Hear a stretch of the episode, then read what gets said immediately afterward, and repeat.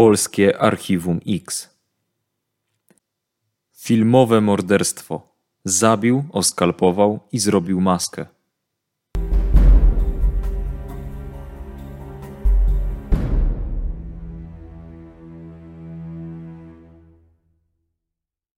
Trzydziestego pierwszego maja 1999 roku Iwan W. zadzwonił do komisariatu policji w Skawinie. Starszy mężczyzna poinformował, że w jego domu doszło do morderstwa, a ofiarą jest jego syn. Iwan zasugerował, że sprawcą może być jego wnuk. Dyżurny policji wysłał na miejsce funkcjonariuszy z Wydziału Dochodzeniowo-Śledczego. Brzyczyna to niewielka miejscowość znajdująca się nieopodal Krakowa. Zamieszkuje ją kilkaset osób. To właśnie tutaj mieszkał Iwan W., który zadzwonił na komisariat. Członkowie rodziny W. pochodzili z Kaukazu. Byli repatriantami i do tej pory nikt z nich nie był notowany. W domu w Brzyczynie, prócz Iwana W., mieszkał jego syn Michaił oraz pomieszkiwał wnuk, Dymitr. Przybyli na miejsce policjanci po krótkiej rozmowie z Iwanem zaczęli przeszukiwać dom. Sprawdzili piwnice, pokoje na piętrze oraz strych. Zabezpieczyli oni wiele śladów. Odciski palców, ślady krwi oraz nóż i młotek, które mogły być narzędziami zbrodni. W piwnicy domu należącego do rodziny W policjanci natknęli się na ciało mężczyzny. Jego nogi były obwiązane skakanką i przywiązane do kraty okna. Ciało bezwładnie zwisało. Korpus owinięty był folią, a ręce były nieznacznie rozpostarte. Wyglądało to tak, jakby sprawca chciał ukrzyżować ofiarę do góry nogami. Policjanci, którzy w piwnicy domu odkryli zwłoki, dostrzegli jeszcze jeden szczegół. Zwisające ciało nie miało głowy. Tę znalazł jeden z policjantów, który przeszukiwał ogród. Głowa była oskalpowana. Sprawca zrobił to perfekcyjnie. Znalezione przez policjantów zwłoki należały do Michaiła W. Tak tę sprawę wspomina Bogdan, współtwórca krakowskiego Archiwum X. Pamiętam to dokładnie. Wracałem wraz z kolegą z inspekcji z komendy y, miejskiej policji w Nowym Sączu. I, I, byliśmy wtedy, pamiętam, w garniturach i dostaliśmy informację y, przez stację, że wszystkie załogi mają się y, zgłosić w Życzynie, gdyż doszło do bardzo, bardzo takiego no, spektakularnego, bym powiedział, zabójstwa, że y, młody mężczyzna zabił ojca, w jego skalpie chodzi właśnie w okolicach miejscowości Brzyczyna pod koło Krakowa i a właściwie koło Skawiny. No, oczywiście udaliśmy się tam, wszystkie załogi faktycznie były na miejscu, był to taki stary dom opuszczony. Okazało się, że mamy do czynienia z rodziną repatriantów z Kaukazu. W piwnicy tego domu ujawniliśmy no, dosyć makabryczne zjawisko, znaczy dosyć, to, to jedno z bardziej takich filmowych ujęć zabójstw, które mi siedzą w głowie a widziałem tych zabójstw, byłem na oględzinach wielu y, przypadków, mianowicie no, ciało mężczyzny pozbawionego głowy, nogi przywiązane na wysokości około 1,5-2 metrów do takiego okienka, do kraty okienka z kakanką, obok leżący skalp, jakieś narzędzia, te zwłoki dodatkowo y, ręce rozpostarte jak, jak w znak krzyża, i obok, i to wszystko jeszcze posypane białą substancją, taką charakterystyczną, co dawało naprawdę no, takie makabryczne e, odczucia. Miałem świadomość, że mamy do czynienia właśnie z rodziną repatriantów z Kaukazu. Nie mamy możliwości, nie mamy tego człowieka w ogóle ani zdjęcia poszukiwanego tego, e, tego e, sprawcy.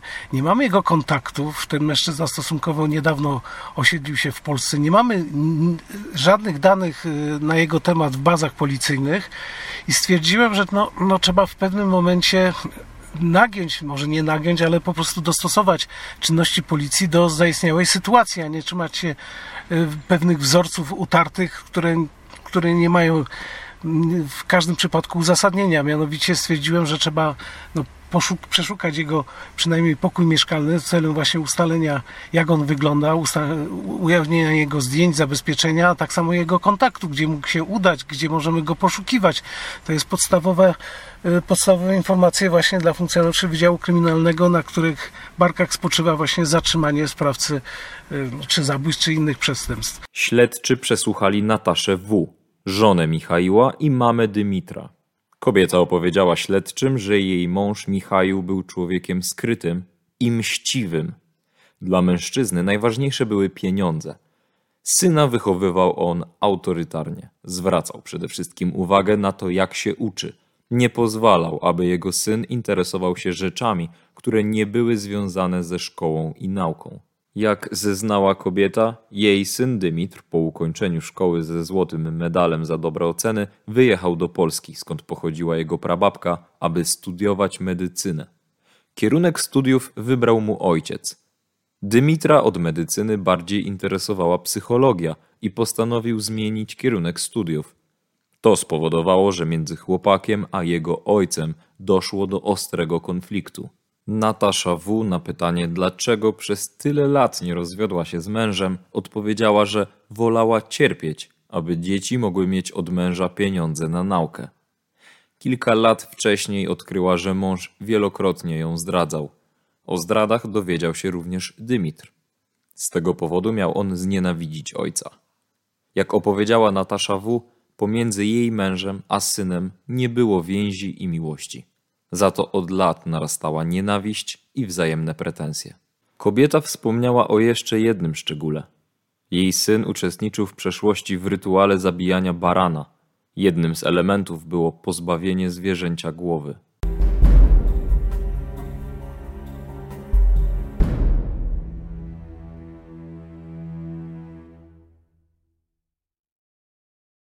Dymitr został zatrzymany na przystanku autobusowym.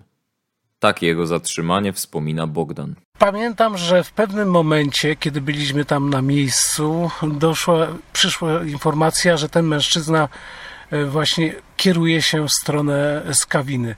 E, wszystkie załogi Wydziału Kryminalnego obecne na miejscu rozproszyły się w poszukiwaniu tego mężczyzny. Ja z kolegą pojechaliśmy w stronę ulicy Zakopiańskiej i przypadkowo przejeżdżając koło przystanku e, autobusowego, kolega stwierdził, popatrz Bogdan, może to on.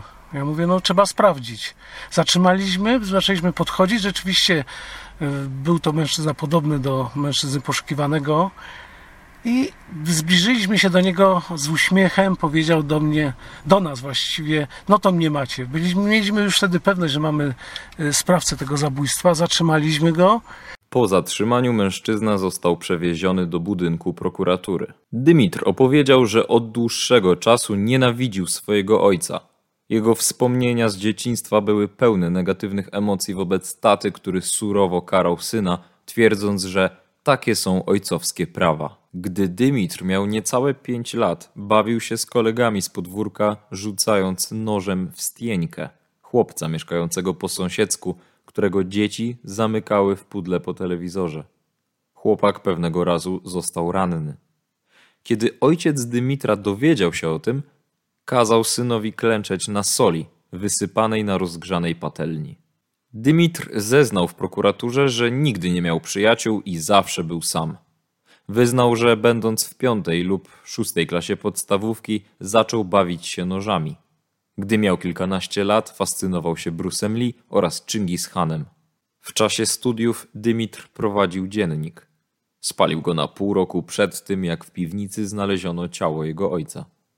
W rozmowie z prokuraturą przyznał, że nazywał w nim ojca małym tyranem. Dodał również: To, co spotkało jego, było mu pisane. To, co mnie spotkało, też było mi pisane. Po spaleniu dokumentów chciałem właściwie wyjechać z Polski. Przez ostatnie kilka dni przed zdarzeniem ojciec lamentował i mówił, że bardzo kocha rodzinę, co jeszcze bardziej mnie denerwowało. W dniu zdarzenia albo wcześniej mój ojciec zadzwonił do siostry i też jej mówił, że bardzo ją kocha. We mnie się przelało i wtedy zmieniłem wszystkie swoje plany. Postanowiłem, że albo pozbawię życia ojca sam, albo jeżeli nie będę mógł tego zrobić, popełnię samobójstwo, opowiedział śledczym. Tak Dymitra zapamiętał Mariusz, współtwórca krakowskiego Archiwum X. Ja miałem wielokrotnie kontakt z tą osobą, często gdzieś tam pobieraliśmy go na, na, z aresztu śledczego na przesłania w trakcie y, prowadzonych czynności śledztwa w tej sprawie. Natomiast tutaj można zwrócić uwagę na jedną rzecz. On pochodził z rodziny repatriantów, która została, wróciła do Polski. Jego babcia była Polką. Natomiast była to rodzina z Kaukazu. Kiedy był młodym chłopcem, często oglądał rytuał, który tam na Kaukazie jest prowadzany, to znaczy bierze się barana, którego wiesza się, podrzyna się mu gardło i ściąga się skórę.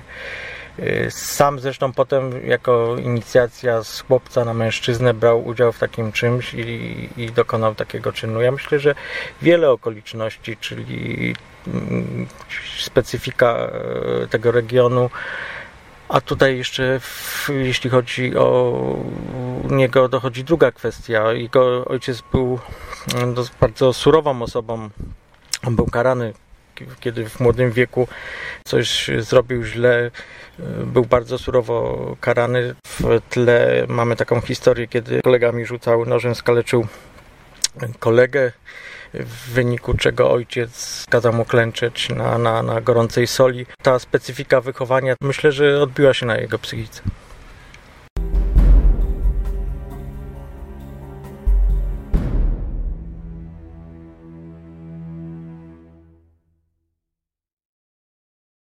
Dymitr przyznał się podczas przesłuchania do zabójstwa swojego ojca. Dymitr podczas przesłuchania powiedział, że w dniu zabójstwa nie wychodził z domu. Czytał niczego, oglądał horrory i słuchał metalu. Wieczorem 30 maja 1999 roku poprosił on Michaiła o pomoc w pracach domowych w piwnicy. Mężczyźni poszli tam razem. Tam Dymitr zaatakował swojego ojca paralizatorem. To jednak nie przyniosło spodziewanego skutku, dlatego mężczyzna użył metalowego wkrętaka, który wcześniej przez kilka miesięcy szlifował. Według jego relacji zadał on ojcu co najmniej kilkanaście ciosów. Z dokumentów sporządzonych przez biegłych z Zakładu Medycyny Sądowej w Krakowie wynika, że przyczyną zgonu Michaiła były co najmniej dwie rany kłute serca. Dymitr zeznał, że kiedy zadawał ciosy ojcu, ten leżał na ziemi na plecach i szamotał się, kręcąc się w tej pozycji wokół własnej osi, aż ojciec przestał się ruszać. Składając wyjaśnienia przed prokuratorem, Dymitr powiedział, że po dokonaniu zabójstwa czuł, jakby zabił siebie. Gdy Dymitr wyszedł z piwnicy, miał zamiar popełnić samobójstwo. Nie był jednak w stanie wyjaśnić prokuratorowi, dlaczego tego nie zrobił. Jak twierdził tuż po aresztowaniu, chciał coś pokazać policji. Mężczyzna dodał też, że miał do wyboru albo pochować ojca niedaleko domu i powiedzieć dziadkowi, że wyjechał on z Polski, albo jak zeznał, pójść na tak zwaną całość. Zdecydował się, jak sam opowiadał, zrobić z ojca dzieło sztuki i obnażyć w ojcu szczyt ludzkiej podłości. W rozmowie z prokuratorem wspomniał, że wzorował się na filmie Siedem, w którym zabójca wybierał swoje ofiary według klucza siedmiu grzechów głównych. Ale jak sam stwierdził, nie lubił nikogo naśladować, więc ukarał ojca za podłość, która wśród siedmiu grzechów głównych nie jest wymieniona. Mówił, że chciał poprzez swoją zbrodnię udowodnić, że człowieka można poznać nie po twarzy, a po wartościach, w które wierzy. Mój ojciec nigdy nie miał wartości i w związku z tym nie miał twarzy. Chciałem też sprawdzić, czy dziadek pozna swojego syna. Dlatego musiałem uwolnić ciało od głowy, bo głowa jest wszystkiemu winna, powiedział prokuratorowi. Głowę ojca Dymitr odciął za pomocą łopaty, a później zdjął skalp. Skórę ściągnąłem z całej twarzy. Zdejmowałem ją w ten sposób, że od środka ją podcinałem i ściągałem. Oczy, podobnie jak nos, zostawiłem w czaszce. Skórę posypałem od wewnątrz solą, aby nie gniła. Swoją twarz i głowę wykleiłem plastrami. Następnie nałożyłem ściągniętą z głowy i twarzy skórę na swoją twarz. Czynności te zajęły mi prawie całą noc, bo jeszcze wcześniej skórę musiałem poszywać. Ponieważ tego nie planowałem, to nie miałem odpowiednich narzędzi. Szyłem zwykłą igłą i nitką. Opowiedział Dymitr prokuratorowi. Ciało powiesił za nogi głową w dół. Miało to według Dymitra symbolizować odwrócony krzyż. Jak zeznał, Ojciec za życia sprawiał wrażenie bogobojnego człowieka, a nawet nie znał żadnej modlitwy. Dlaczego pozbył się głowy? Bo głowa takiego nie może być nawet na diabelskim krzyżu, odpowiedział mężczyzna. Ze zdjętej skóry mężczyzna uszył maskę, którą później sam nałożył. Dymitr włożył na siebie ubranie ojca i starał się chodzić w podobny sposób. Planował też podjąć z banku pieniądze zamordowanego, ale nie zdążył. Został zatrzymany. Nad ranem usiadł na ławce przed domem i zaczął rozmawiać ze swoim dziadkiem, który miał problemy ze wzrokiem. Iwan rozpoznał jednak swojego wnuka, który miał ubraną maskę na głowie i zaczął podejrzewać, że stało się coś strasznego. Powiedział wtedy, że idzie do sąsiada, bo musi zadzwonić. Dymitr zrozumiał, że dziadek odkrył prawdę, więc uciekł z domu i z ukrycia obserwował przyjazd funkcjonariuszy. Składając wyjaśnienia, Dymitr W. opowiedział, że jako mały, co najwyżej pięcioletni chłopiec, był świadkiem krwawego rytuału inicjacyjnego. W kaukaskiej wiosce, gdzie dorastał, nastoletni chłopiec staje się mężczyzną, gdy własnoręcznie zabije barana i zdejmie z niego skórę. Rytuał odbywa się publicznie, w atmosferze święta.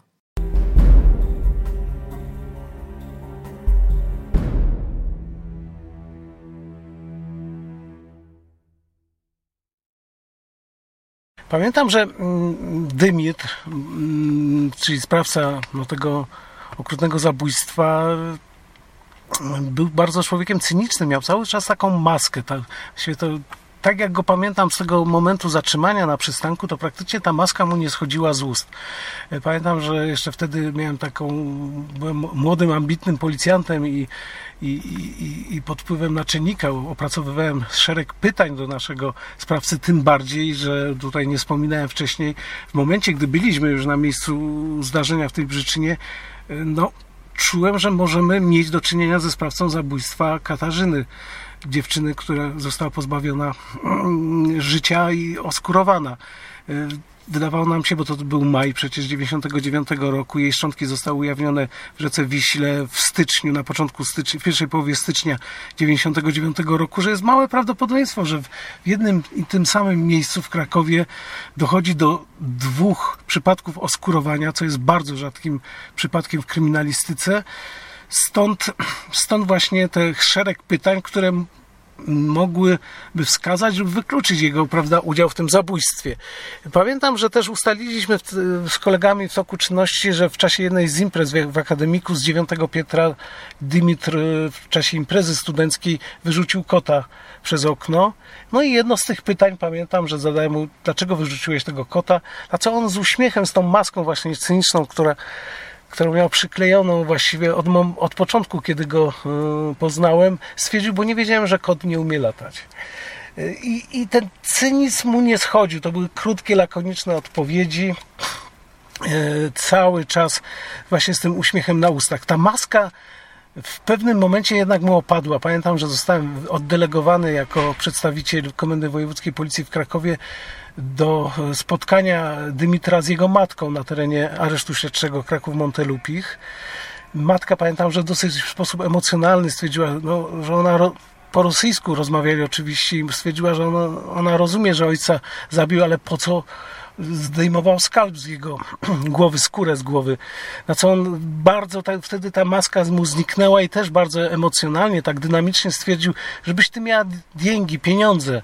Na co matka też emocjonalnie mu odpowiedziała, ale pieniądze odziedziczy dziadek. On się odwrócił do mnie, znowu ta maska cyniczna powróciła na jego usta, na jego twarz i stwierdził, trzeba było i zabić dziadka. Trzy lata przed zabójstwem ojca Dymitr też zabił barana. Dokładnie opisał, jak należy to zrobić. Zwierzę trzyma się za tułów i od dołu podcina mu się żyły na szyi, od ucha do ucha. Po podcięciu gardła odczekuje się chwilę, aż baran się wykrwawi i dopiero wtedy odcina mu się głowę. Potem zdejmuje się skórę. Rytuał kończy powieszenie barana za tylne nogi. Dymitr przed prokuratorem skwitował opowieść o swojej inicjacji stwierdzeniem, że nie zrobiło to na nim żadnego wrażenia. Dziwna rzecz zdarzyła się też, kiedy policjanci pojechali po Dymitra do aresztu na Montelupich. Poprosił ich, żeby dali mu kominiarkę i wypuścili go na miasto. A to był wieczór sylwestrowy. Badający Dymitra W. psychiatrzy orzekli, że charakteryzuje go ukryta wrogość, niezdolność do empatii, emocjonalny chłód, niska samoocena oraz zaburzenia tożsamości. Za swoje niepowodzenia życiowe wini innych ludzi. Posługuje się mechanizmami obronnymi, projekcją, kompensacją i fantazjowaniem. Zdaniem lekarza, przestępczą aktywność Dymitra uaktywniło bardzo silne uczucie nienawiści, jakie żywił wobec ojca. Podczas jednego z przesłuchań Dymitr powiedział: Ja nie żałuję tego, co zrobiłem. Nie mam w tej sprawie nic więcej do dodania. 3 stycznia 2000 roku policjanci z Wydziału Kryminalnego Komendy Wojewódzkiej Policji w Krakowie złożyli wniosek do miejscowej prokuratury okręgowej o przesłuchanie Dymitra W. w sprawie zabójstwa Katarzyny Z. To studentka, która została zamordowana i obdarta ze skóry. Śledczy sprawdzali, czy Dymitr może mieć coś wspólnego z tym zdarzeniem. Pomimo wytężonego śledztwa nie znaleziono żadnych dowodów wskazujących, aby to Dymitr zamordował Katarzynę. W momencie zdarzenia, w którym śmierć poniósł e, w wyniku zabójstwa ojciec Dymitra, to był maj 99 rok, byliśmy praktycznie wtedy przekonani, że mamy do czynienia ze sprawcą zabójstwa Katarzyny, prawda, dziewczyny, której skóra i inne szczątki zostały ujawnione w rzece Wiśle w styczniu 99 roku. Zdarzenie, e, zabójstwo powiązane z oskurowaniem jest bardzo rzadkim zdarzeniem, nie tylko w Polsce, ale na całym świecie i wydawało nam się, że to jest mało prawdopodobne, żeby praktycznie w tym samym miejscu i w tym samym czasie doszło do takich dwóch zdarzeń. Dodatkowo e, no, te podejrzenia jak gdyby potęgował fakt, że Dymit w momencie e, no, w momencie, kiedy myśmy go zatrzymywali, był studentem też Uniwersytetu Jagiellońskiego, a więc zachodziło uzasadnione podejrzenie, że mógł znać, gdzieś poznać naszą ofiarę. No, no powiedzmy, w, mo- w momencie jego zatrzymania w maju 99 roku, no wszystko wskazywało, że jest on sprawcą zabójstwa. Rzeczywiście jednak e, no, diabeł tkwi w szczególe, jak to mówi stare niemieckie przysłowie. I w momencie pamiętam, że e, no, uczestniczyłem w takim posiedzeniu z udziałem medyków sądowych w Krakowie, którzy jednoznacznie wykluczyli, aby, aby mamy, e, żeby ta sama osoba dokonywała tych dwóch zabójstw. Mianowicie był to inny sposób cięcia, całkiem inna linia. No to są takie właśnie detale, które wskazywały, że po prostu no, mamy z rzadkim zdarzeniem y, do czynienia, ale jednak Dymit nie jest sprawcą zabójstwa. Zresztą też inne czynności y, procesowe podjęte, do, podjęte w celu weryfikacji tej wersji osobowej nie przyniosły pozytywnego rezultatu. Do tej sprawy pamiętam, że ponownie Dymit stał się jak gdyby przedmiotem weryfikacji, czy nie jest sprawcą zabójstwa Kasi, w momencie, kiedy prokuratura okręgowa w Krakowie podjęła śledztwo, które później się zakończyło właśnie aktem oskarżenia. Ponownie zostało przeszukane bardzo pieczołowicie e, miejsce jego zamieszkania w miejscowości Brzyczyna. E, Ponowne wszelkie badania w laboratoriach kryminalistycznych zostały wdrożone i również te czynności jednoznacznie wykazały, że nie jest on sprawcą zabójstwa Kasi. Dymitr usłyszał wyrok 25 lat pozbawienia wolności. Po kilku latach sąd zgodził się na to, aby Dymitr odsiadywał wyrok w rosyjskim więzieniu i wrócił do swojego kraju. Część imion bohaterów została zmieniona.